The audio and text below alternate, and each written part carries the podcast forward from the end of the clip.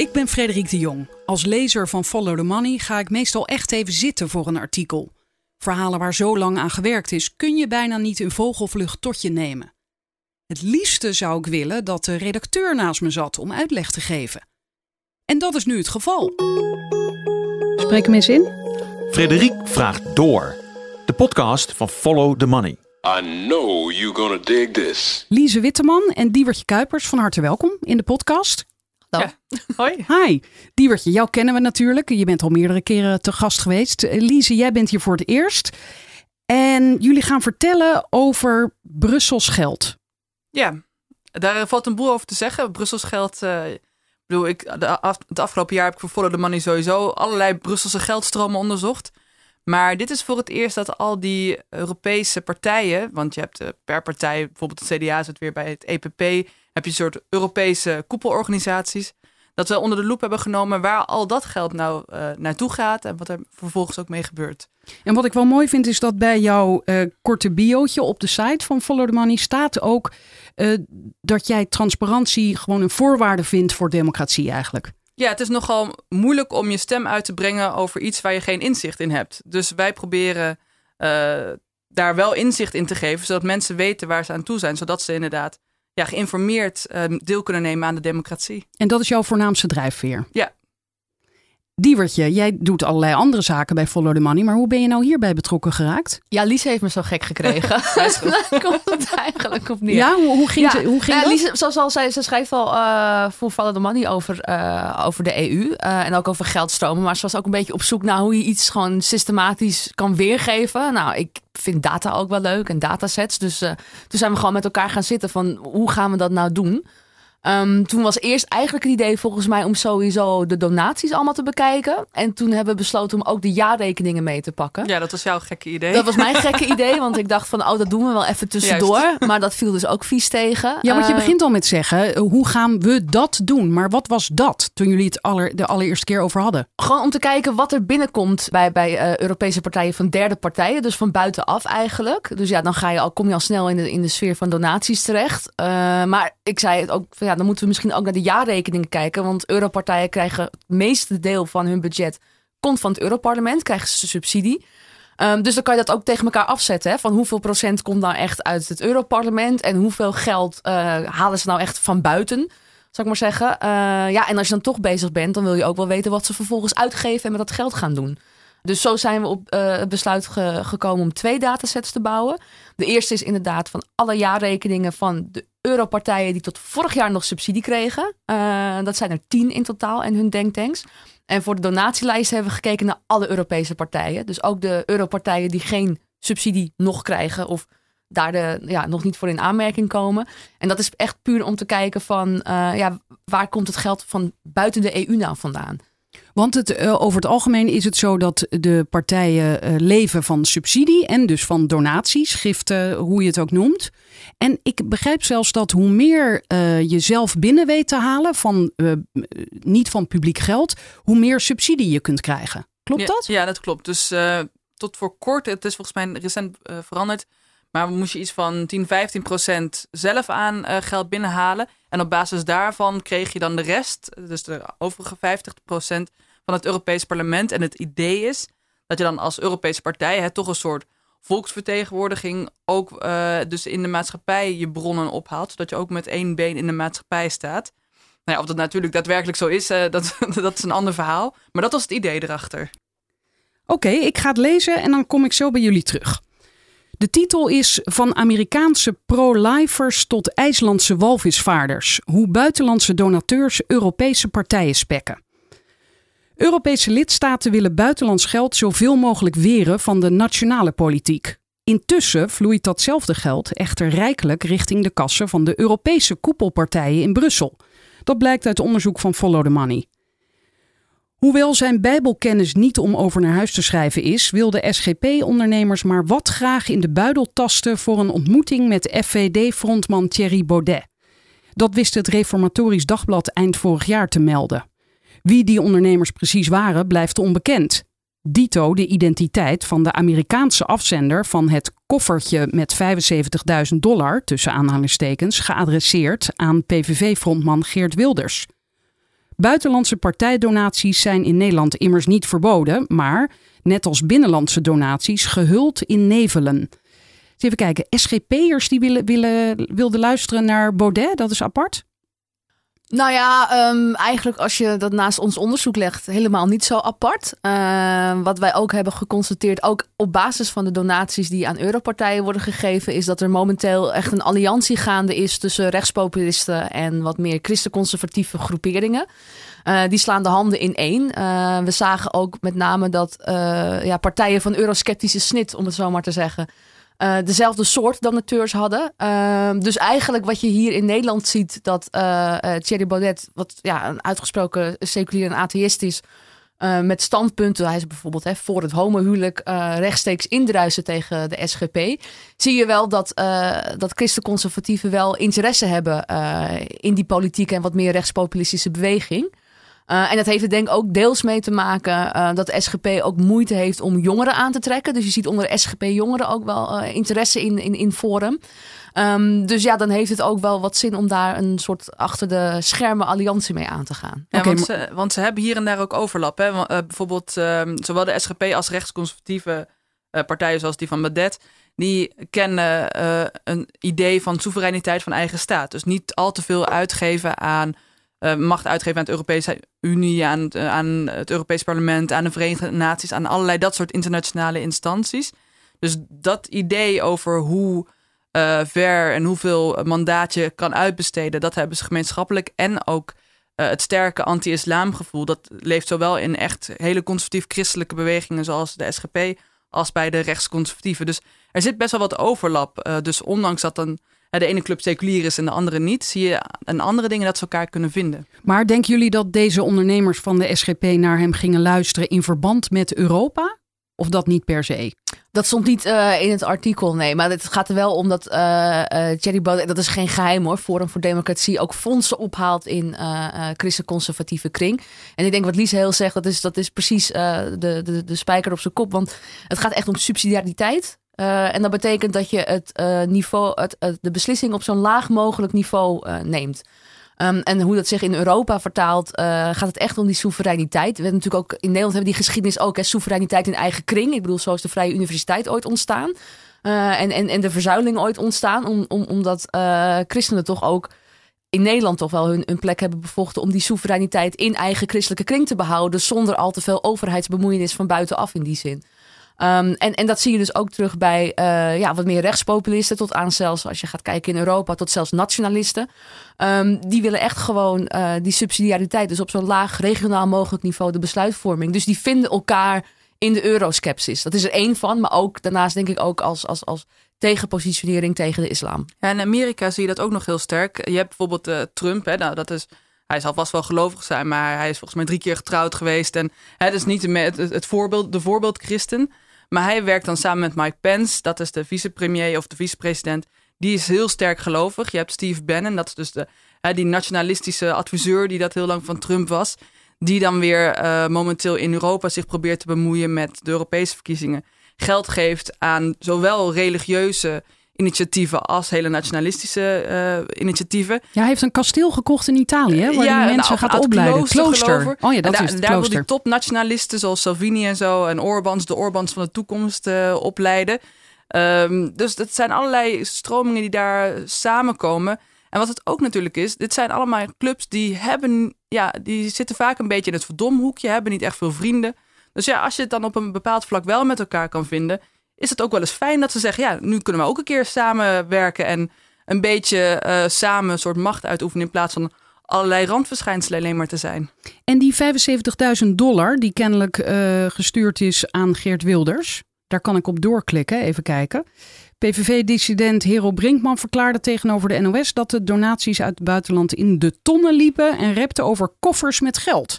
Maar ja. is maar één bron? Of ja, nou ja, dat is wel vaker. Kijk, we hebben dit voorbeeld ook genoemd om met name aan te geven hoe schimmig uh, partijdonaties zijn. Sowieso al in Nederland, ook als ze van buiten komen. Uh, want je kan veel zeggen van de EU, maar partijen zijn er wel verplicht in ieder geval om donaties op te geven. Of ze dat altijd even netjes doen, daar komen we straks nog wel even op. maar in Nederland is het onderzoek wat wij hebben gedaan, is op nationaal niveau volstrekt onmogelijk. Omdat uh, Nederlandse partijfinanciën zijn heel erg schimmig. Ehm, partijen hebben vaak stichtingen, verenigingen, vrienden van stichtingen waarin ze geld ophalen. Dus daar kan je het helemaal niet herleiden waar het geld eventueel vandaan komt. Uh, het, vermoedelijke koffertje met geld, dat had ook te maken met uh, de, de, de, vriendschap uh, die Geert Wilders aan de overkant van de plas, dus ook in Amerika, is, is aangegaan. Um, dat zijn ook inderdaad wat meer uh, neoconservatieven. Maar dat zijn een ander soort neoconservatieven. Bijvoorbeeld dan waar het Forum dat zich dan weer mee uh, uh, verbindt. Ja. ja, daar gaat het echt om. Um, ja, om, om hoe heet het? De, de, ik vind de afkorting heel grappig, AFA. maar dan American Freedom Alliance. daar is bijvoorbeeld Geert Wilders meermaals keynote speaker geweest. Die zijn ook bekend om hun ja, klimaatkritische conventies, zoals dat zelf noemen. Om het maar even eufemistisch te zeggen. Ja, en dat is ook een hele andere groep. Het is ook inderdaad hè, aan, aan de randen van de Republikeinse Partij zit dat. Uh, maar het is een andere fringe dan bijvoorbeeld waar Forum zich uh, van bedient. Oké, okay, maar jullie beginnen het artikel met, dit, met deze voorbeelden om aan te geven dat het in Nederland helemaal niet te doen is. Ja. En dan schrijven jullie verder. Sinds de constatering van buitenlandse, lees Russische inmenging in onder meer Italiaanse en Franse verkiezingen, is het Nederlandse kabinet van plan om giften van buiten de EU aan Nederlandse politieke partijen een halt toe te roepen. In de aankondiging noemde minister van Binnenlandse Zaken Kasia Ollongren van D66 het heel belangrijk om als politieke partij transparant te zijn over waar je geld vandaan krijgt. Ook zei de minister dat Nederland niet naïef moet zijn als het gaat om mogelijke beïnvloeding van verkiezingen. Doortastende woorden waren het niet dat hier eerder sprake is van achterstallig onderhoud. Op dit moment is Nederland een van de slechts vier EU-lidstaten zonder restricties op buitenlandse donaties in de nationale politiek. Kijk, daar hebben jullie een plaatje bij gezet van Europa. Geheel verbod, aantal rode landen, gedeeltelijke restricties en geen restricties. En daar prijken wij inderdaad eh, samen met Denemarken, België en Italië. En dan schrijven jullie vooral die laatste ontving herhaaldelijk, Denemarken dus, en meest recentelijk in juni vorig jaar, scherpe kritiek van de Europese anticorruptiewaakhond, Greco, bekend van de rapporten over integriteit in de Eerste en Tweede Kamer. Pas na langdurig aandringen besloot Denemarken vorig jaar als laatste EU-lidstaat om anonieme giften aan politieke partijen te verbieden. Maar Nederland heeft het dus nog steeds niet verboden. Nee, dus ze zijn nu bezig inderdaad met de wet ook opstellen om, dat, uh, om uh, restricties. Kijk, nu de status quo op dit moment is dat het nog steeds geen uh, restricties zijn. Maar de minister had wel aangekondigd met een wet te komen. En daar wachten we volgens mij nog steeds op. Hoe die precies eruit gaat zien. Dus dat weten we nog niet. Maar het staat in ieder geval wel bij het kabinet er wel aangegeven dat het op de agenda staat en dat ze er wat aan gaan doen. Maar waar nationale partijen in steeds mindere mate geld accepteren van buitenlandse donateurs, kunnen Europese partijen dergelijke donaties zonder problemen binnenharken. En harken, dat doen ze. Van de in totaal 997 donaties en contributies die tussen 2014 en 2017 werden genoteerd, kwamen er 180 van buiten de Europese Unie. Dat blijkt uit onderzoek van Follow the Money. Vonden jullie dat veel? Ja, eh, best wel. Omdat, kijk, een groot deel van uh, die donaties en contributies die we in die uh, dataset hebben gezet, zijn gewoon de lidmaatschapsbijdragen die een nationale partij, nogmaals CDA bijvoorbeeld, aan zijn koepelpartij geeft.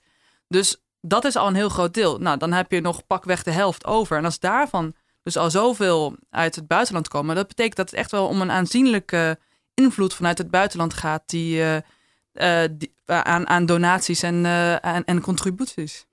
Hoe lastig was het om dit boven tafel te krijgen? Nou ja, op zich de donatielijsten, dat, dat, die waren wel gewoon um, ja, opgegeven. En dan moet je dan maar van hopen dat dat alles is. Um, wat voor ons de grootste hobbel was. Nou ja, jij noemde net al bijvoorbeeld eventjes de EPP. Dat, zijn de, dat is een van de, de grootste uh, uh, europartijen. Kijk, daar heb je bijvoorbeeld die zeggen dat ze geen donaties van bedrijven, et cetera, accepteren. Um, en daar zie je uitsluitend van politieke partijen. Maar je hebt er ook de mogelijkheid, want er is een verandering in de statuten geweest, om een special membership te doen. En dan kan je als spe speciaal lid kan je ook een contributie doen. Dus dan kan je als bedrijf lid worden. Nou, dat is de vraag die we, die we hebben gesteld. Van ja, wat, wat, wat, wat moeten wij verstaan onder een special membership? Uh, wie kunnen er allemaal special member worden? En wie zijn die mensen of organisaties? En hoeveel hebben jullie gekregen? Ja, en dan gaan de kaken stijf op elkaar. Um, en dat is wat we continu wel hebben gemerkt, is dat uh, ja, zolang je iets niet een donatie noemt, dan is het ook geen donatie blijkbaar. Uh, hoe noemen ze het dan wel?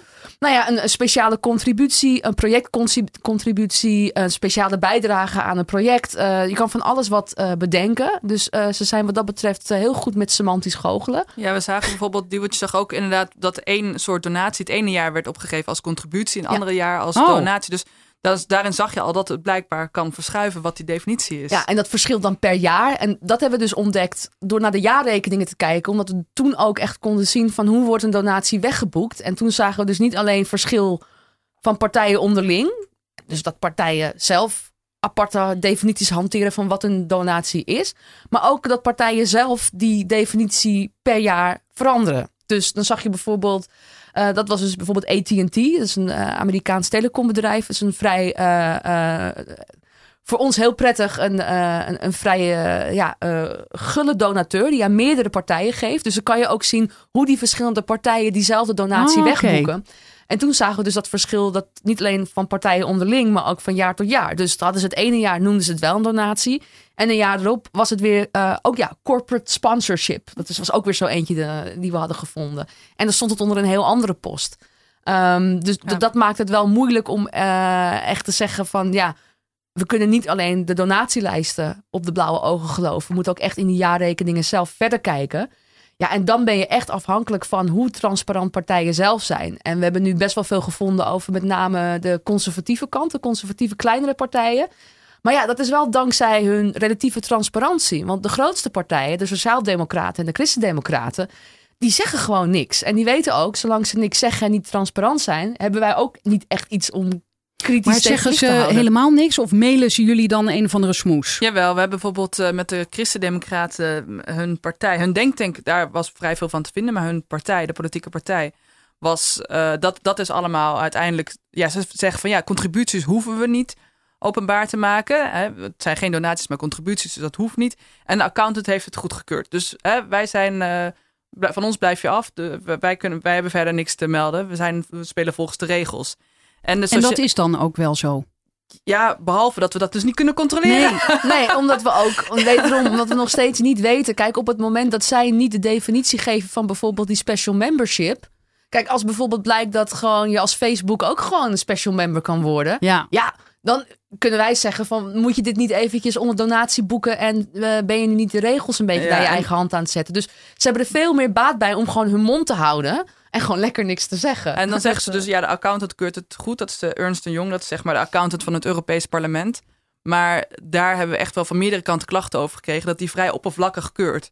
Dus dat die hè, vrij een beetje aan de oppervlakte geraast... van nou, klopt het links, rechts, ziet het er goed uit... maar niet even nagaat, hè, eh, is het eigenlijk wel logisch... dat dit als een contributie wordt opgegeven? Of hoe, hoe zit het precies? Dus ja, dan, dan als buitenstaander kan je daar alsnog eh, niks mee. En trouwens, de Sociaaldemocraten maakt het echt nog een meest bond. Ja. Daar hebben we echt uh, maanden achtereen gezeten, gezeten. Uiteindelijk nog op Twitter een publieke oproep geplaatst. Hè? Frans Timmermans, dit is jouw partij. Ja, die heb ik gezien, ja. Hè? Hij, hij keurt keer op keer, zegt hij... ja, wij zijn voor transparantie. Het is heel belangrijk om het vertrouwen in de Europese Unie te herstellen. En dan op het moment suprem dat hij er daadwerkelijk iets uh, aan kan doen... geeft hij niet thuis. Dus ja, dat vind ik echt heel, heel kwalijk. Maar ik neem aan dat jij, want jij woont in Brussel... dat je hem wel eens ziet. Nee, want ik ga niet naar al die uh, toppen en zo. Ik loop niet. Kijk, mijn, mijn rol in Brussel is een beetje een aparte. Je hebt uh, van heel veel kranten heb je één of twee correspondenten en die moeten al die toppen achterna rennen. Een voorverhaal, tijdensverhaal, naverhaal. Uh, die hebben vaak ook nog wel, die journalisten hebben dan ook nog de NAVO en België onder zich in de portefeuille. Dus die rennen zich helemaal gek. En die moeten ook naar die eh, persconferenties, maar dat kost bakken met tijd. En ik heb ervoor besloten om naar Brussel te gaan en alleen maar onderzoek en alleen maar achtergrondverhalen te schrijven. Dus ja, als ik iemand nodig heb, dan zoek ik hem op. Maar ik hoef niet naar al die uh, perscoaches waar al die andere journalisten al staan. Want dat doen die andere journalisten wel. Laat ik dan iets doen wat er nog niet gebeurt. Ja.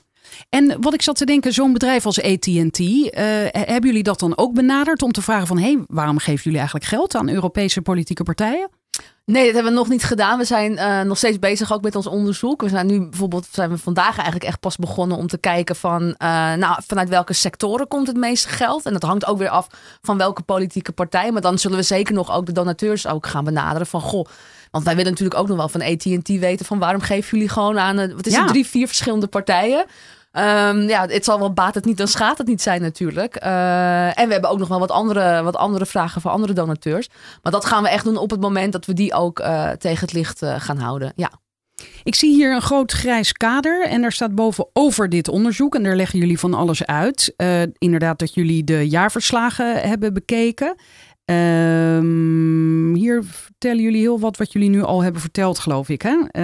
Um, elke donateur hebben we handmatig nagetrokken bij bronnen als Google, Company.info. Dit is echt een werk. Jullie zijn al maanden bezig. Ja, vanaf januari denk ik. Ja, in december kwamen we ermee. In januari begonnen we. Ja, en staat hier nog iets in wat we hebben overgeslagen tot nu toe? Even kijken hoor. Nee, volgens mij niet. Volgens mij hebben we net al een beetje verteld het hoe en de wat. Ja, van die AT&T hebben we al verteld. Oké. Ja. Een eerste observatie van de door Ollongren gevreesde grootschalige Russische financiële inmenging is, voor zover na te gaan, op Europees partijniveau geen sprake. De enige donaties die zichtbaar uit Rusland kwamen waren die van de Russische zusterpartij van de Groenen. Deze Rossiskaya Ekologiskaya Partia, sorry voor mijn Russisch. Nou, netjes. Oh. doneerde in de periode 2014 tot 2018 in totaal 3440 euro aan de Europese partij. En dat is precies evenveel als de collega's van de Oekraïense Groene Partij. Ter vergelijking, de Noorse Groenen maakten in diezelfde periode ruim 12.000 euro over aan een Europese ideologische evenknie. Dergelijke donaties van geestverwanten van buiten de Europese Unie komen veel voor. Ze verklaren eveneens het Zwitserse aandeel in de buitenlandse geldstromen. De meeste Zwitserse donaties vloeiden van de Evangelische Volkspartij, EVP, naar de Christendemocratische EPP. Toch wil dat niet zeggen dat mogelijke Russische beïnvloeding daarmee uit de lucht is. Russisch geld hoeft namelijk niet per se als zodanig geoormerkt te zijn. De reden daarvoor ligt in Nederland bij de welbekende Amsterdamse brievenbus. Zo ontving de conservatieve ACRE in 2014 een donatie van 2000 euro uit Nederland. Gullegever was de in Amsterdam Zuidoost gevestigde Bendokietse Stichting. Uit nader onderzoek blijkt dat deze stichting fungeerde als agentschap van de toen nog in leven zijnde Georgische oligarch en voormalig minister Kaka Bendokietse. Hij is in 2014 overleden. Even kijken, Nederlandse brievenbussen, daar horen we natuurlijk vaker over bij Follow the Money. Ja. Dus dat geld, wat, nou niet dat geld, maar uh, sommig geld dat in Europa belandt, gaat via Nederland. Ja, het ging hier om een, uh, een stichting uh, wat uh, in Amsterdam Zuidoost zit. op dat adresje zitten ook volgens mij nog, als ik me niet vergis, vier tot vijf andere bedrijven. En dat zijn met name uh, Chinees-Russische marketing- en investeringsbedrijven zitten daar. Allemaal onder bestuurs- en voorzitterschap van dezelfde vrouw. Um, dus ik ben even gaan kijken van ja, wie zijn al die andere adresjes en wat doen die? Um, en toen kwam ik erachter via een paper van de Griekse regering, uh, waarin twee van die bedrijven voorkwamen. Uh, en dat ging over het aandeel wat die Bendokietse uh, in die bedrijven had, waardoor de Griekse regering zei van ja, dit, die heeft gewoon een meerderheidsbelang, want hij is namelijk ook minister van Georgië geweest. Um, en daar zetten ze hun vraagtekens bij. Dus ik dacht, nou, dat zijn er twee. En toen dacht ik, nou, dat verklaart ook meteen de naam van de stichting. en ja, dat is dus inderdaad via zijn uh, uh, holdings, of in ieder geval wat daar op die adressen zit, is dat geld daar naar overgemaakt. Um, en die vrouw die was ook directeur van een agentschap wat zijn uh, ja, belangen behartigde. Hmm. Namens zijn bedrijf en, en, en die man zelf. Dus die heeft daar gewoon een, een, een donatie gedaan. Kijk, in dit geval was het ook niet zo heel erg ja, schimmig, want de naam gaf het al natuurlijk een beetje weg. maar het is natuurlijk wel zo dat jij door een Amsterdamse brievenbus een donatie kan doen die in de boeken terechtkomt als een Nederlandse donatie van een Nederlandse stichting. Uh, ja, en dat wekt natuurlijk wat minder uh, opgetrokken wenkbrauwen of argwaan als dat je zegt van uh, het komt uit Rusland of Georgië of... Heel slim dus. Ja, ja. En deze heeft Deal dan nog een beetje na kunnen trekken, maar bij dat akeren... Dat deal, jullie zijn nu zo op elkaar ingewerkt dat je haar Deal noemt. Diewertje Kuipers, data-expert. Maar um, uh, het, het gaat eh, bij Akre, dat is een rechtsconservatieve club waar Forum voor Democratie graag bij wil. Er komen er heel veel donaties inderdaad vanuit bijvoorbeeld Polen of Oostenrijk. Of allerlei landen waarvan je niet goed kan nagaan waar gaat het nou om. En heel vaak is eigenlijk voor, voor ons bijna niet na te gaan wat zit er nou precies achter. Waarom, waarom is dat nou een bedrijfje of een persoon die aan het doneren is. Daarvoor hadden we eigenlijk nog maandenlang onderzoek moeten doen. Heel Europa door moeten trekken. Overal aan moeten bellen. Allerlei registers open moeten trekken. Kan je nagaan hoe moeilijk het is om een beetje inzicht te krijgen. Want ja, wie, wie, weet wat we nu allemaal over het hoofd hebben gezien. Ik zal echt niet eh, zeggen dat dit volledig is nog. Opvallend genoeg is het dus Nederland zelf dat via brievenbusmaatschappijen sluiproutes voor buitenlands geld faciliteert. Opvallend omdat juist de Nederlandse regering bij monden van minister Ollongren een speerpunt heeft gemaakt van het tegengaan van met name Russische beïnvloeding. De minister toog vorig jaar zelfs richting Brussel om haar politieke collega's erop te wijzen dat samenwerking in de strijd tegen onder andere nepnieuws in verkiezingstijd essentieel is. Wat leveren deze inspanningen onder de streep op als de oligarchen tegelijkertijd dankzij Amsterdamse brievenbussen semi-anoniem kunnen doneren aan Europese politieke partijen? De minister geeft ondanks herhaalde verzoeken van Follow the Money geen antwoord op de vraag. Want die heeft natuurlijk druk met die wet maken. Nou ja, ik denk dat ze hier, kijk, hier, dat zie je heel veel bij politici. Wat net al even over Timmermans. En ik denk dat hier minister Ollongren geen uitzondering in is. Kijk, er is een gigantisch verschil tussen praatjes en daadjes. Uh, dus het klinkt gewoon heel erg goed als jij zegt dat je tegen, tegen Russische beïnvloeding bent. En je roept je collega's op om iets te doen. En dat moeten we allemaal heel belangrijk vinden. Uh, maar op het, ja, als, als, als dat puntje bij paaltje komt, het blijft natuurlijk wel zo dat het feit dat wij Amsterdamse brievenbussen hebben, uh, maakt haar beleid, ja, ondermijnt haar beleid eigenlijk. Uh, als jij echt vindt dat uh, buitenlandse donaties moeten worden tegengegaan, ook vanuit Rusland, dan wil je die Amsterdamse brievenbussen ook niet hebben. Maar ja, de minister zit natuurlijk in een kabinet uh, met ook nog een andere partij, VVD, die een groot voorstander is van dat soort brievenbussen, omdat het zogenaamd ja. banen of zo zou opleveren. Um, dus die moet dat dan in de ministerraad kenbaar maken. Um, en hier merk je ook weer van, hè, als je politici ook gewoon confronteert en vraagt van ja, maar hoe zit dit? Ja, kreeg ik als antwoord van uh, ja, de minister gaat niet over Europese wetgeving. Ja, dat weet ik ook wel, maar dat neemt niet weg dat Nederland uh, een spul vormt. Ja. Uh, in ieder geval, het is alsof je aan de, aan, tegen de voordeur zegt van je moet inbraakbeveiliging, terwijl je je achtertuindeuren wagenwijd open laat staan. Ik bedoel, het is een beetje mal. Um, en hier zag je ook dat ze gewoon niet echt antwoord uh, op die vraag wilde geven. Uh, ik heb ook echt letterlijk gevraagd van kan ik hier dat opmaken dat de minister dit niet uh, in de ministerraad zal bespreken. Want ze is toch ook verantwoordelijk voor kabinetsbeleid. Ja, en daar krijg ik geen antwoord meer op. Dus dat, ja, dat doe ik gewoon geen antwoord krijgen op je vraag. Nee. Een ander opvallend gegeven als het om het ontvangen van buitenlandse giften gaat, is de liberale ALDE-partij, waarnaast D66 ook coalitiepartner VVD inzetelt, de absolute kampioen. 35% van de donaties aan de partij was afkomstig van buiten de Europese Unie en dan met name van het Amerikaanse bedrijfsleven. Dit percentage steekt met kop en schouders boven het totaalbeeld uit. Over alle partijen gerekend is slechts 18% van de donaties afkomstig van buiten de Europese Unie. Ja, dat was het algemene getal. Hè? Dus bijna een vijfde komt inderdaad van buiten de EU. Maar bij die ALDE-partij is dat 35%. Dus zij hebben heel veel vrienden in Amerika. Hele rijke. Ja, hele rijke, rijke vrienden, ja. De ALDE verkocht feitelijk lobbycontacten aan gulle donateurs uit het Amerikaanse bedrijfsleven. Een royale bijdrage garandeerde tot voor kort een standje op het partijcongres waar afgevaardigden van die grote bedrijven direct in contact konden komen met Europese liberale politici en beleidsmakers. In andere gevallen mochten lobbyisten met omslachtige functietitels cursussen geven aan aspirant politici of aanschuiven in expertpanels. Zo gaven de Politics and Government Outreach Manager van Facebook en de Brand and Communities Manager van Growth with Google de ALDE-training Running for Office. Het ALDE expertpanel over nepnieuws maakt het wel heel bond. Dit was exclusief gevuld met lobbyisten van Facebook, Google en Microsoft. Ja, hier zie je in ieder geval heel duidelijk hoe het werkt. Als jij geld geeft, dan mag je langskomen en dan word je een expert genoemd en dan mag je praten op het congres. Hartstikke ja. leuk. Ja, ja. En dan hebben jullie daaronder een uh, mooie taart gemaakt met allemaal punten erin. Uh, met de vraag waar kwamen de donaties vandaan?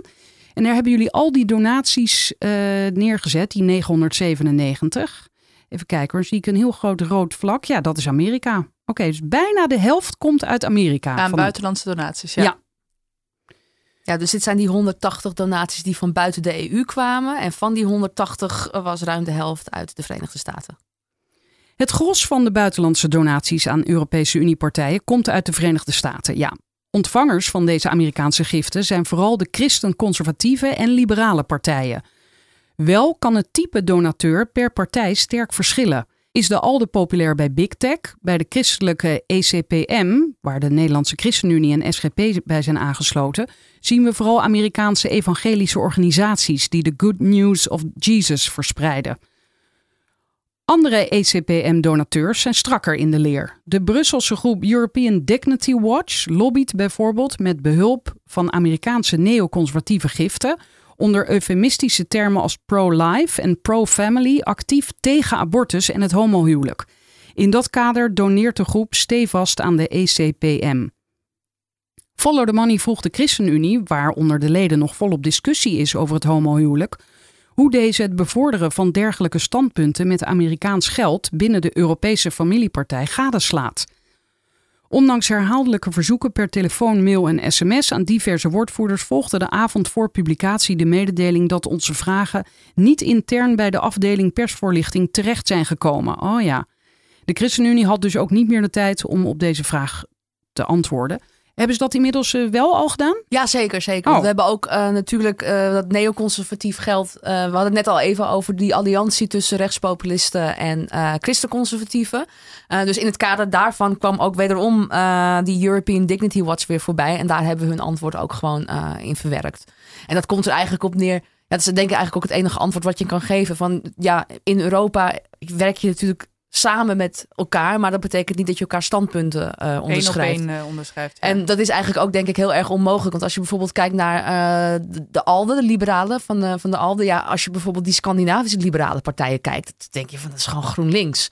Weet je wel? En er zit dan ook VVD bij. Wat echt gewoon weer binnen die ALDE echt wel gewoon conservatief, als conservatief rechts wordt gezien. Dus ook, het is ook wel, dat is niet echt helemaal te voorkomen, omdat gewoon, ja, zeker wat bijvoorbeeld een sociaaldemocraat in, in Scandinavië verschilt echt wel heel erg met een sociaaldemocraat uit bijvoorbeeld Frankrijk, Italië of Duitsland. Eh, dus maar ook dit daar is- zie je verschillen.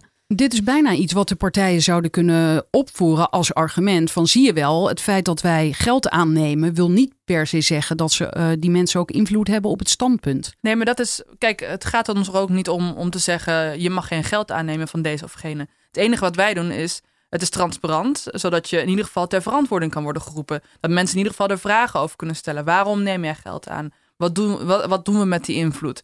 Dus het gaat er helemaal niet om dat het stout is of eh, dat het ongeoorloofd is. Het is ook niet illegaal. Maar je kan in ieder geval wel daardoor als kiezer een vraag stellen.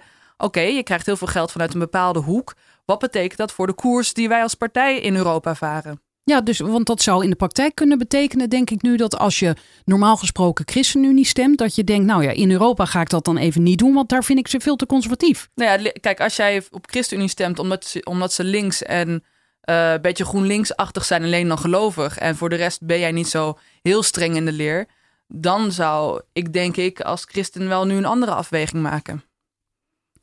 De conservatieve christenen hebben overigens niet alleen vrienden in de Verenigde Staten, ze maken ook volop gebruik van hun netwerk in Europa.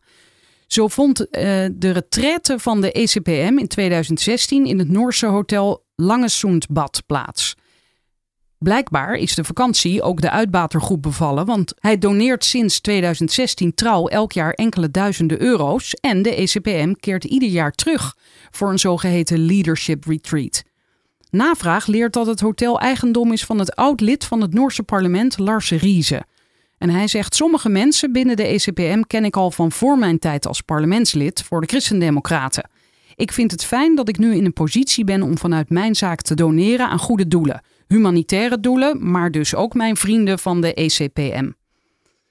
Als hij een paar duizend euro geeft, dan eh, verdient hij er bijna niks op, hè, op, de, op die retraite.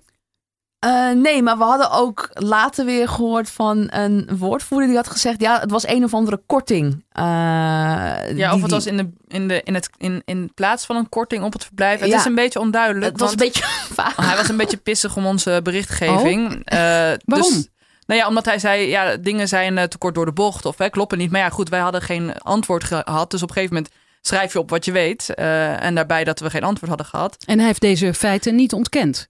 Nee, dat, dat heeft hij niet ontkend. Maar hij zegt wel, ja, het is allemaal net een beetje anders. Het is geen, eh, want eh, het is, het is geen eh, plezierreis. Het is echt werk wat we daar doen. Allemaal dat soort dingen had hij erbij gezegd. Die, die eigenaar bedoel je? Nee, nee, de die- woordvoerder die- van, die- ehm, ja. Oh, ja, ja. Maar goed, die eigenaar van die, eh, het is dus nu een beetje duidelijk of het nou om een korting of een donatie ging.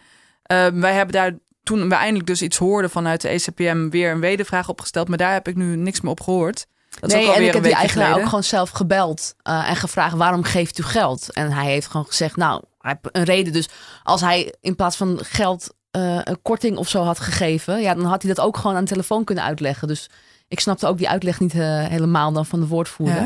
Ja. Maar dat is dus inderdaad, maar daar komen we inderdaad later op de serie, zullen daar nog over publiceren. Van dit laat ook zien van ja, wanneer is iets een donatie? Is dat omdat je van een rekening wat wegstreept en dat dan als donatie in de partijkas wordt gestort? Of eh, hoe lopen die constructies allemaal precies? Ja, want soms gaat het bijvoorbeeld ook om dat er bepaalde kosten inderdaad worden eh, kwijtgescholden. Of dat je iets terugkrijgt in de vorm van een soort onkostenvergoeding. Dat zetten ze dan ook weer als donatie te boek. En waarom doen ze dat? Inderdaad, hoe meer donaties je kan opschrijven, hoe meer subsidie je weer krijgt. Dus er wordt van alles aangemerkt als donatie. Terwijl daar ja, dat soms helemaal niet is. En hoe werken jullie nou eigenlijk samen? Want zoals gezegd, jij woont in Brussel en jij in Amsterdam. En, en dan kan ik me zo voorstellen dat jullie elkaar mailen van... nou, ik heb eindelijk antwoord van die en die gekregen. Nee, hoor, ja, we appen gewoon veel. En, eh, Kijk, heel verbaasd. de hele dag door de eigenlijk. hele dag door. En eh, nou ja, ik, ik ben ook een week met Lisa ook op pad geweest. We zijn Ja. zowel naar Brussel als naar Straatsburg geweest. Eh, dus, en en dan, dan trek je ook een hele week met z'n tweeën ook op. En Eh, bij het invullen van zo'n donatieset verdeel je natuurlijk de... Hè, ik vul die partij in, vul jij die partij in. Hè, ga jij dat uitzoeken? En ook met het verhalen schrijven was het een beetje om en om. Ga jij, eh, duik jij even in die eurosceptische clubs? Ga ik even in die pro-Europese clubs? Een beetje taken verdelen en afstemmen. En soms kom je zelf iets tegen en dan denk, zeg je... oh, dit is volgens mij voor jouw verhaal handig. Eh, ik mail het je wel eventjes. Ehm, die mailtjes naar woordvoerders, dan zet je de ander in CC. Nou, gaat prima eigenlijk. Is het eigenlijk leuker dan alleen werken? Ja, ja. Ja, ik vind het allebei wel leuk. Moet ik eerlijk Ja, nee, het is allebei wel Ja. leuk. Maar het is wel leuk dat je niet... eh, Het, zeker, ik woon in Brussel, dus ik zit in mijn eentje thuis te werken altijd. En eh, ja, om af en toe gewoon een soort klankbord te hebben... en even te kunnen sparren met iemand weer. Waar de flanken van de Amerikaanse Republikeinse Partij met name hu- hun ideologische geestverwanten zoeken in de conservatieve Europese hoek, vindt het meer gematigde centrum hel bij de christendemocratische EPP, waar ook het CDA bij is aangesloten. Zo is de aan de Republikeinse Partij gelieerde denktank International Republican Institute een van de vaste donateurs van het Martin Center, de denktank van de EPP. Opvallend hier is dat, net als bij de liberalen, donaties van het Amerikaanse bedrijfsleven stevast worden vergezeld van een donatie vanuit de Amerikaanse Kamer van Koophandel. Ook de NAVO duikt enkele malen op als indirecte partner van evenementen waar ook dat Martens Center aan verbonden is. De conservatieve ACRE, noemen jullie dat, hè? Ja. Ja. Waar Forum voor Democratie zich bij aan hoopt te sluiten, ontving naast donaties van telecomgigant AT&T vooral geld van Amerikaanse conservatieve denktanks als de Heritage Foundation of de Atlas Network. Deze laatstgenoemde organisatie, een netwerk van ruim 450 zogeheten pro-vrije marktdenktanks, blijkt op meerdere paarden te wedden. Want naast ACRE werd er ook gedoneerd aan de eurokritische ADDE-partij, ADDE. Ook de American Freedom Alliance, een club opgericht om westerse waarden te verdedigen, trok de portemonnee voor de conservatieven van de ACRE. Deze alliantie is in rechtsconservatieve Amerikaanse kringen evenmin een onbekende. Zo werden er onder de noemer Green the New Tyranny klimaatskeptische conferenties georganiseerd en sloot Geert Wilders in de lente van 2017 als keynote speaker een conferentie in Los Angeles af. Veel van deze buitenlandse donateurs werden binnengehaald via het netwerk van de Britse conservatieve partij. Dat is weinig verrassend. De Tories leverden zelf bijna 15% van alle donaties aan die acre partijkas. Ja, de termen en de begrippen vliegen je om de Ja, oren. moet ik goed opletten. kijken. Maar het is, het is natuurlijk... Ik bedoel, wij kennen al die clubjes, al die denktanks... al die Amerikaanse organisaties... zelfs al die namen van de Europese partijen ook niet... eh, voordat we hieraan beginnen. Maar blijkbaar, dat vind ik eigenlijk nog het meest fascinerende sowieso aan het hele onderzoek. Er is een hele wereld van overlegjes, netwerken... eh, waar ook dus veel subsidiegeld heen gaat... de- die eigenlijk met elkaar eh, hun belangen aan het behartigen zijn in Europa... en aan het zorgen dat gebeurt waarvan zij vinden dat eh, de, de richting die de Europese Unie op moet gaan. En om en die wereld, daar heb je als kiezer helemaal geen weet van. Niemand heeft ooit gehoord van al die clubs, behalve als je er zelf eh, middenin zit. En in, tegelijkertijd hebben die blijkbaar wel veel macht en invloed. Dus ik denk dat het nog het meest belangrijk is aan alles wat we tot nu toe eh, publiceren. Dat je in ieder geval een idee krijgt van de wereld die daar achter, achter de Europese Unie en het beleidsmakingsproces nog, nog gaande is. En dat je ja, eh, stukje voor stukje, een beetje voor beetje, daar iets van te zien krijgt. En kijk, nu storten we echt een heleboel informatie in een paar weken tijd over mensen uit. En het zal iedereen al snel gaan duizelen. Maar uiteindelijk kan, kan je wel voor allerlei verhalen ook in de toekomst en andere media kunnen weer eh, hier van deze dataset gebruik maken om te kijken, oké, maar hoe zit het nou echt? Wat zit er nou nog achter? Wie zijn hun vriendjes? En zo hoop ik dat het steeds meer onderdeel wordt van de publieke kennis hoe daadwerkelijk in de Europese Unie geopereerd wordt. Ja, want Ja. dat is heel mooi. Jullie hebben inderdaad eh, het zodanig gemaakt dat het openbaar is voor iedereen. En ik zag op Twitter al, ik weet even niet meer wie, maar een, een Engels sprekend iemand die zei: Kijk, die had al iets ingevuld en er kwam een Oh enorm ja, van sch- TU Delft. schema Ja, uit. Oh, die is ja. wel van TU Delft. Ja, ja. Oké, en dus mensen zijn al blij met jullie dataset. Ja, ja maar wat, wat, wat zegt is inderdaad wel belangrijk om nog te onderstrepen. Want wat je eigenlijk ziet als het gaat om eh, Europese verkiezingen... is dat, dat, dat kiezers gewoon eigenlijk electoraal analfabeet zijn als het daarom gaat. Je ziet dat bijvoorbeeld D66 en VVD... die samen in Europa in dezelfde Europartij zijn... eh, elkaar vliegen gaan afvangen tijdens de verkiezingscampagne. Het is heel erg nationaal gericht. Eh, hetzelfde geldt bijvoorbeeld hè, voor SGP en ChristenUnie. Ik bedoel, dat zijn ook partijen die uiteindelijk gewoon met elkaar in dezelfde Europartij Dus zitten. die hoeven eigenlijk, zou je kunnen zeggen, helemaal niet met elkaar in Nee, die debat. zouden eigenlijk gewoon samen campagne moeten voeren als ze transparant richting de kiezers zouden, we, eh, zouden zijn. Dat is één. Ehm, en eh, het tweede punt wat ook heel belangrijk is, is, eh, wat is dat ook alweer?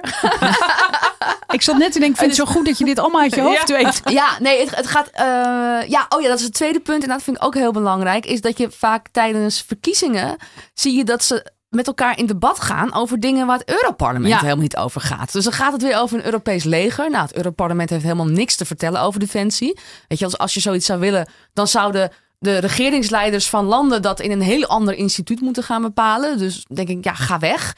Eh, en, en, en dat zag je ook weer bij eh, Buitenhof. Ook zat ook eh, Lilian Marijnissen samen met eh Rob, Rob Jetten van D66. Ja, over het nut en noodzaak van Europa. Ook dat weer is iets waar de regeringsleiders van al die 28 landen Ja. het samen over eens is. Als je daar iets wil veranderen, dan moet je Rutte tegenover die 27 andere regeringsleiders zetten. En die met elkaar in debat laten gaan over de koers van Europa. Ja, dus je Dus een het hele Zo, heel dat het zijn. Zie je het even voor je als er inderdaad 27 mensen op een podium zitten? Ja, maar dan zou het wel misschien overzichtelijker zijn over de afwegingen die ook Ja. daadwerkelijk gemaakt moeten worden door politici en het zijn mensen die daar eigenlijk een werken. soort uh, fopdebatjes. En Ja. dat is heel raar. En terwijl het allemaal eigenlijk gaat om netwerken, belangen en het schuiven daarmee.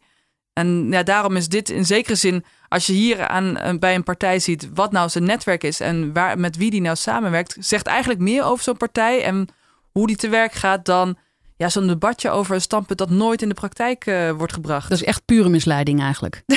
Nou ja, ik vind... Dit zijn ik mijn vind- woorden. Ja, ja, ik, Ja. ik- ja, ik vind wel inderdaad dat wat ik al zei, dat de kiezer gewoon echt eh, gewoon electoraal analfabeet wordt gehouden, weet je wel. Dat het ook gewoon voor de, voor de kiezer, want die denkt van, oh, ik wil graag een Europees leger, dus laat ik op D66 gaan stemmen. En iemand, een andere, wat aan de andere liberaal denkt, nee, ik wil juist geen Europees leger, laat ik VVD gaan stemmen. Ja, dat maakt dus A, helemaal niks uit omdat het Europarlement niet over gaat. En B, ze kunnen op nationaal niveau wel van mening eh, verschillen op dat punt. Maar in het Eu- Europarlement zitten ze toch bij elkaar. Eh, en als je ook kijkt naar het, eh, het stemgedrag van VVD en D66, stemmen ze altijd echt vrijwel hetzelfde. Volgens mij stuk rood vlees heb ik een keer gekeken naar hoe ze ook stemmen. Dan zie je ook in die fracties onderling helemaal niet zoveel verschil op Europees niveau. Een stuk rood Ehm, vlees, dat is een eh, Dat is een, website, hè? eh, Ja, dat is een blog van, eh, ja, van de Nederlandse politicologen die samen inderdaad op basis van hun onderzoek eh, eh, dat gewoon in de normale mensentaal dan op een blog eh, doen. En een van die onderzoeken was inderdaad kijken naar het stemgedrag. Eh, van, van de Europese partijen. Eh, en dan zie je ook inderdaad dat eh, VVD-Europarlementariërs helemaal niet zo anders stemmen als D66-Europarlementariërs. Hey, En zonder dat jullie eh, zeggen waar jullie op stemmen, maar zijn jullie al van partij veranderd sinds dit onderzoek? Ik ben afgelopen jaar. ehm, ik heb natuurlijk veel geschreven over eh, Brusselse geldstromen. En ik kijk nu wel daar heel erg naar welke partijen proberen echt de boel transparant te maken. En welke partijen doen echt hun best om te zorgen dat de democratie verstevigd wordt. Zodat de stem van mensen er daadwerkelijk misschien ooit een keer toe gaan doen eh, in de Europese Unie. En eh, ik zal geen stemadvies uitbrengen, maar als, als ik iets mag zeggen, zou ik zeggen: kijk in de partijprogramma's op zijn minst eh, of ze daar echt aandacht aan besteden. Want ik denk dat dat de eerste stappen zijn om echt een goede Europese Unie te krijgen. En dan kan je daarna weer allerlei fitties uitvechten over een stukje meer dit of een stukje meer dat. Maar zolang je niet een goed, dit soort prille democratie, de Europese Unie, zolang je dat niet goed eh, laat werken, is alles eigenlijk nog een beetje bijzaak. Maar dat, dat is in mijn ogen zo. En jij, Diewertje, ben je er al uit of zweef je nog? Nou ja, ik, als het gaat om wat Lisa ook zegt, van ik stem nationaal eh, heel anders inderdaad dan euro eh, op euroniveau. En dat is echt, dat heeft met dit soort dingen ook te maken. Omdat het is natuurlijk ook een beetje beroepsdeformatie, maar dat ik wel gewoon benieuwd ben van A, hoe stem je? Eh, en, en, en B, hoe verhoudt zich dat tot, eh, tot Nederland? En het is voor kiezers heel erg moeilijk, want wij weten bijvoorbeeld niet, Nederland misschien ook niet, maar in het Europarlement helemaal niet, van wat maakt een Europarlementariër nou een goede Europarlementariër? Is dat omdat ze veel volgers op Twitter hebben en, en leuke dingen roepen over een vrij internet? Eh, zoals bijvoorbeeld bij D66, weet je wel. Dan zie je bijvoorbeeld, eh, nou ja, Marietje Schaken ook heel erg opkomen voor een vrij internet. Maar ja, dan ga je kijken naar de donaties en denk je, ja, je krijgt toch best wel heel veel geld van Google, Facebook en eh, Big Tech, zou ik maar zeggen. Vanuit Silicon Valley. Dus ja, hoeveel is dat het eigenlijk waard? Eh, en, en dat is heel erg lastig eh, voor de Nederlandse kiezer om ook op waarde te schatten wat ze precies doen. Omdat we niet weten wat Europarlementariërs daar precies doen en waar ze wel of niet wat over te zeggen hebben. Ehm, dus ik denk dat echt die eerste stap heel belangrijk is dat mensen zich echt moeten informeren over van oké, wat doen ze daar precies? Eh, waar hebben ze wel of niet wat over te zeggen? En hoe kan ik daar mijn voordeel eh, bij halen? Even kijken, we waren gebleven bij de Britse conservatieve partij, die dus eh, via wiens netwerk veel donateurs worden binnengehaald. En dan staat hier het Britse conservatieve parlementslid Daniel Hannan bijvoorbeeld, een van de prominente voorstanders van een brexit. Hannan was niet alleen donateur, maar ging als secretaris-generaal van de Acre-groep vervolgens ook over de, mede dankzij zijn eigen donatie verkregen subsidie. Hannan raakte eind 2018 in opspraak omdat onder zijn toeziend oog 250.000 euro aan EU-subsidie werd uitgegeven aan een driedaags verblijf in een luxe strandresort in Miami. Ook declareerde de Britse conservatieve 90.000 euro voor een trade summit in een vijfsterrenhotel aan de kust van het Victoriameer in Kampala, waar druk werd overlegd met Afrikaanse diplomaten over post-Brexit deals. Toch houdt de Acre vol dat deze bijeenkomsten bijdroegen aan het verhogen van het Europese Unie-bewustzijn. Ja, ligt Ja. er maar aan hoe creatief je bent, hè? Ja, maar daar zie je ook dat het twee kanten opwerkt. Uh, aan de ene kant zie je dat uh, uh, nationale kiezers eigenlijk zich heel erg laten leiden door nationale partijpolitiek als ze voor het Europarlement gaan stemmen. Tegelijkertijd zie je ook dat Europarlementariërs die subsidies ook wel redelijk vaak gebruiken om nationale dingetjes mee te doen.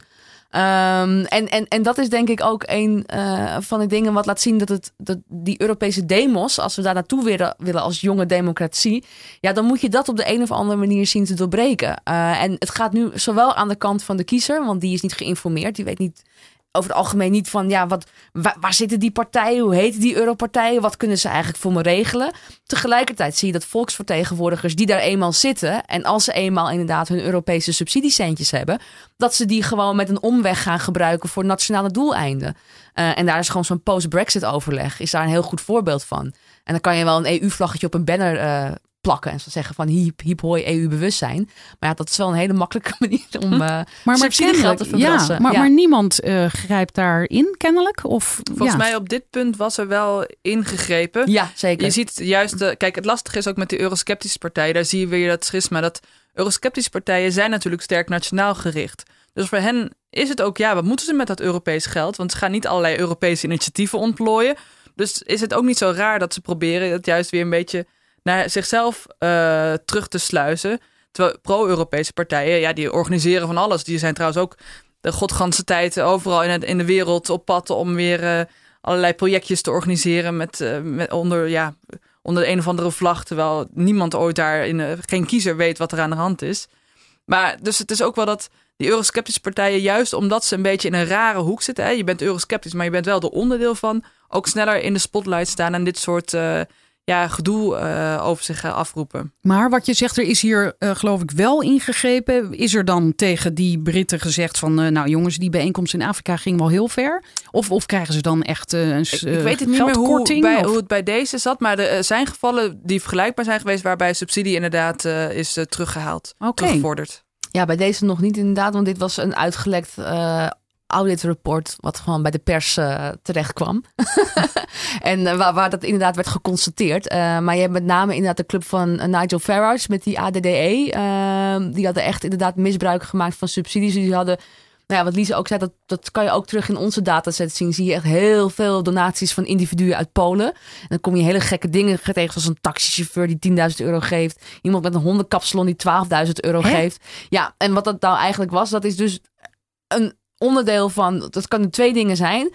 Ehm, of het is gewoon een oneigenlijke manier om af te dekken wie de werkelijke donateur is. Dus dan geef jij gewoon iemand 10.000, 12.000 en 10. En die moet dan in zijn naam doneren om te verbergen dat jij erachter zit. Met, Dat met, kan met je hondenkapsalon. Valt niet op. Ja, ja, nou ja, het, Niemand kijkt ernaar. Niemand kijkt ernaar, inderdaad. Best Nou, wel lang jullie nu geduurd, dus. eh, Ja. Nou ja, dit was al gelukkig ook door, de, door NRC, Apache en eh, een Poolse krant hadden hier al naar gekeken. Ehm, bij, deze, bij de Acre Club inderdaad. Dus dat kan zijn om te verbergen wie je daadwerkelijk bent. Een ander wat het is, is inderdaad ehm, wat je dus zag, wat dankzij die donaties kregen ze meer subsidie, omdat ze meer eigen kapitaal hadden.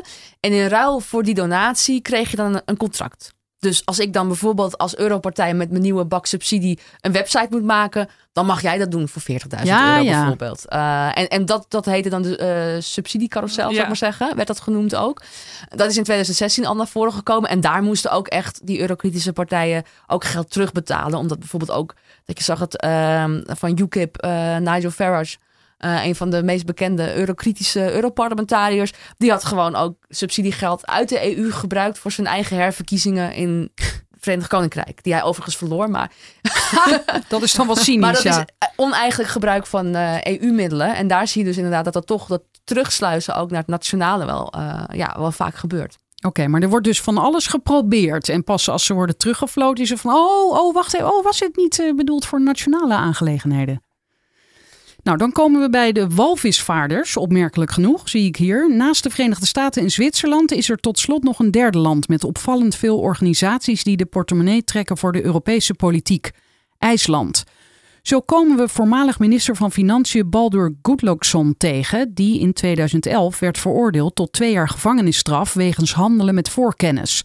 Gudlaugsson verkocht namelijk vlak voor het instorten van de op één na grootste IJslandse bank, Landsbanki, zijn aandelen in die bank. Anno 2017 blijkt hij financieel weer goed genoeg te boeren om 1500 euro over te maken naar Acre.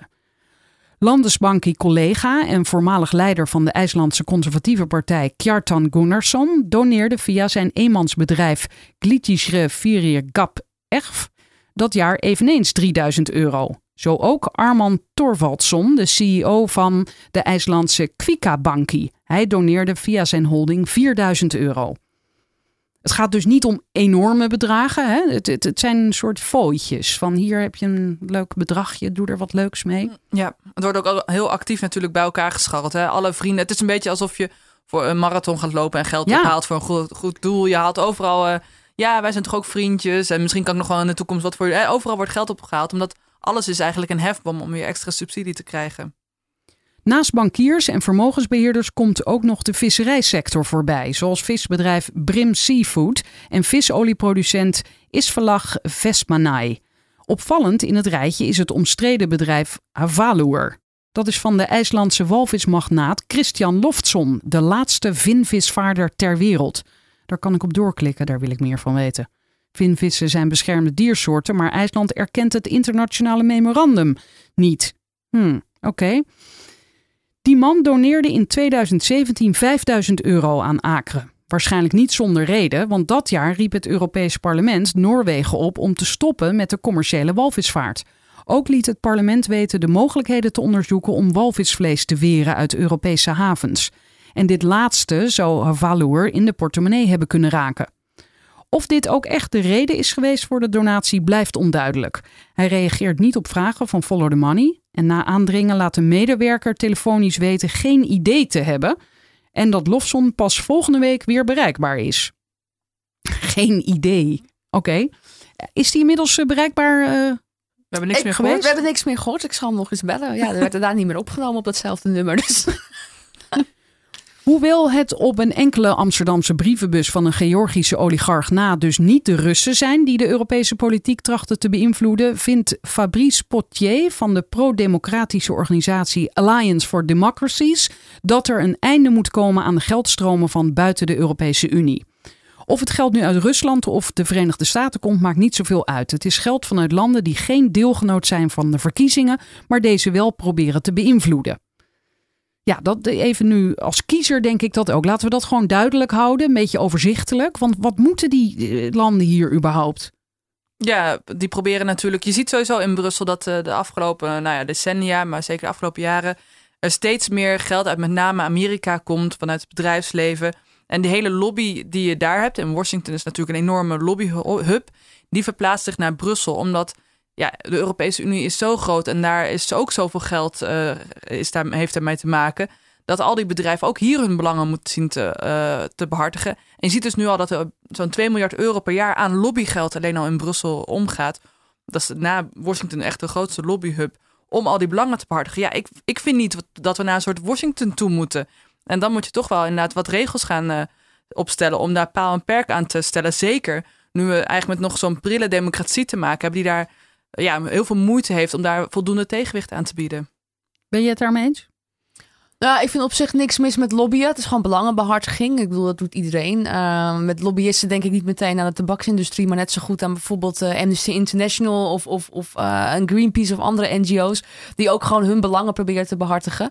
Um, ik denk wel dat er dat Brussel relatief gezien voor de macht die ze hebben, staat niet overeen met de mate waarin ze gecontroleerd worden. Um, en dat is iets waar overigens ook beleidsmedewerkers in Brussel en Straatsburg zelf over klagen. Uh, namelijk dat er van maar alles wat kan gebeuren omdat de, de, ja, ook de journalistieke controle is heel erg gericht op de hoofdsteden. Lise zei het ook al uh, net even. En dat geeft denk ik ook wel weer aan dat, wat het, uh, dat voor ons het eikpunt heel erg zit over wat doet Mark Rutte in Brussel? Waar is Frans Timmermans mee bezig? Maar het gaat er gewoon om van wat gebeurt er in het instituut? Waar gaan ze eigenlijk over? Kijk, meer dan 60% van onze wetgeving komt al uit, uh, uh, uit Brussel. En als je dan ziet van uh, hoeveel energie we al steken in controle van Den Haag en hoeveel we eigenlijk laten liggen in Brussel, ja, daar is denk ik nog wel een wereld te winnen. Omdat het gewoon een heel asymmetrisch spel nu is. als je kijkt naar de hoeveelheid macht en geld die daar zit en het gebrek aan controle. Ik vind dat vrij zorgelijk. Dat is een mooie term, een asymmetrisch spel. Ja, ik, vind, ik ben ook echt diep onder de indruk, inderdaad. dat komt door al die semantische creatieve Ik ben serieus, hè, Lise niet. Dat, uh... ik ben ook serieus. Inmiddels heeft het bestuur van het Europees Parlement zich op het standpunt gesteld dat politieke organisaties die niet in de Europese Unie zitten geen geld meer mogen overmaken naar de Europese partijfamilies. Oké, okay, oké, okay, dus dan gaat het om politieke organisaties, ja. Noorse of Russische partijen worden hierdoor bijvoorbeeld buitenspel gezet. Ja, behalve als de regering van Poetin het rechtstreeks zou overmaken, toch? Of nou, is dat, dat ook een organisatie? Je mag geen, je mag geen okay. als overheid geen geld doneren. Nee. Oké, dus dat was ook het geval. Nu ja. dus organisaties ook niet meer. Dan blijven de bedrijven over. En dan schrijven jullie inderdaad ook voor bedrijven geldt deze regel overigens niet. Een donatie van het Chinese Huawei of het Amerikaanse Facebook zou dus nog altijd geen probleem vormen. En daar eindigt jullie artikel, maar dit is een, uh, een van de artikelen hè, van jullie hele reeks. En dan staat hieronder, uh, binnenkort publiceren we de volledige donatiedataset. Maar die is inmiddels gepubliceerd, daar gaven jullie net al voorbeelden uit. Ik heb zomaar wat ingevuld en toen zag ik dat Uber ook geld geeft aan Europa. ja, aan Aldo oh, geloof ja. ik, hè? aan de ja. liberale ja. club. Ja. Nee, het is, uh, je kan er lekker doorheen struinen en, ja. en, en eens kijken, nou, wie, mijn partij, van wie krijgt hij geld en uh, wie zijn zijn vriendjes? Ja, heel interessant. En hoe gaat dit nu verder? Want nou, die dataset, daar kunnen mensen mee aan de slag. jullie hebben die jaarrekeningen doorgespit. Al deze donaties van bedrijven en instanties. Wat gaan jullie nog meer onderzoeken? Ja, we zijn dus nu bezig met al die verhalen ook te schrijven. Dus eigenlijk al die informatie om te zetten in verhalen. Nou, dat is al een heleboel werk, want het is een heleboel informatie. We zitten deze week, afgelopen weken keken we meer naar de eurosceptische partijen. Nu kijken we meer naar de pro-Europese partijen, die heel goed alle subsidiepotjes uh, her en der weten te vinden. En uh, daarna gaan we ook nog bijvoorbeeld kijken naar het, de, de gelden naar de campagne van 2019, hè, over een paar weken toe. Want we hebben nu die dataset tot 2018 konden we het invullen. De rest is allemaal nog niet openbaar. Een paar gegevens beginnen nu binnen te druppelen. Dus kijken we, nou, welke partijen halen nu waar geld op om hun campagnes te bekostigen? En waar ze het ook aan uit vervolgens? Want dat gaat ook om een boel geld. En ja, oh, we kijken nog naar de Nederlandse invalshoek. Hoe gaan Nederlandse Hè, waar, waar, wel- welk geld komt er vanuit Nederland nou specifiek? Waar gaat dat heen? Mis ik dan nog iets? Ja, we hebben nog gekeken, Duitse denktanks ook nog. Ja. Want het viel ons ook heel erg veel op dat gigantisch veel geld komt uit eh, Duitse stichtingen. Er schijnt echt een hele Duitse stiftung-cultuur te zijn. Eh, en met name de gevestigde partijen. Eh, en wat je daar dus ziet ook, omdat bij eh, sommige partijen ook inderdaad, hè, als jij eh, als lid meer geld geeft, mag je ook, eh, heb je ook meer invloed op eh, stemmen en de onderwerpen die op de agenda worden gezet. Ja, en daar zit natuurlijk de vraag van, ja, maar is het wenselijk dat als het gaat om Europese ideeënvorming binnen partijen, dat binnen de grootste Europese politieke partijen, één lidstaat, Duitsland, zoveel invloed heeft op die gedachtevorming? Eh, zeker als je dat afzet tegen wat we net zeiden, dat een, eh, een liberaal in eh, Scandinavië heel anders is dan bijvoorbeeld een liberaal in, in Verenigd Koninkrijk of Nederland zelfs. Ehm, dus daar hebben we ook nog naar gekeken. Dus wat we eigenlijk met name ook hebben gedaan met die data, is gewoon kijken van waar zitten de gekkigheden? Dus als je, als je ineens ziet dat heel veel uit Amerika komt, bijvoorbeeld, hè, van hoe, wat zit daar dan achter? Of je ziet dat ineens Duitse denktanks, dat, we hadden echt geen idee. En dan ga je met politicologen spreken en die zeggen, ja, oh, dat beeld herken ik. En ik ga er wat meer over vertellen. Dus op die manier hebben we het gewoon een beetje afgepeld. Dus we hebben eigenlijk gewoon die dataset gebruikt als een soort van ja, wegwijzer. Van Red- red waar flags, moeten we in maar. godsnaam Ja. naar kijken? Want we hadden het er net ook al over van het is zoveel informatie is er uit te halen. Eh, en, en data kan je op die manier wat gemiddelde geven en een beetje een indicatie geven van wat interessante dingen zijn om naar te kijken. Eh, en dat kan wel bijvoorbeeld een heel gemiddeld beeld zijn, dat je ineens ziet dat iets bij alle partijen voorkomt. Of het kan juist zijn dat je bij één bepaalde partij iets heel apart ziet en juist daar verder gaat kijken. Ehm, dus ik denk, we hebben volgens mij nu aan het einde, denk ik, hebben we in totaal iets meer dan tien verhalen. Ja, tien Meer nog. verhalen, Ja, ja. dik. Dus, eh, en daar komt misschien nog wel wat uit. Maar eh, ja, Nou, dan hoop ik jullie weer te spreken. Stay tuned. ja, Dank jullie wel. graag gedaan. Wil je weten wanneer een nieuwe aflevering online staat? Schrijf je in voor mijn nieuwsbrief. Die vind je bij ftm.nl/slash Frederiek.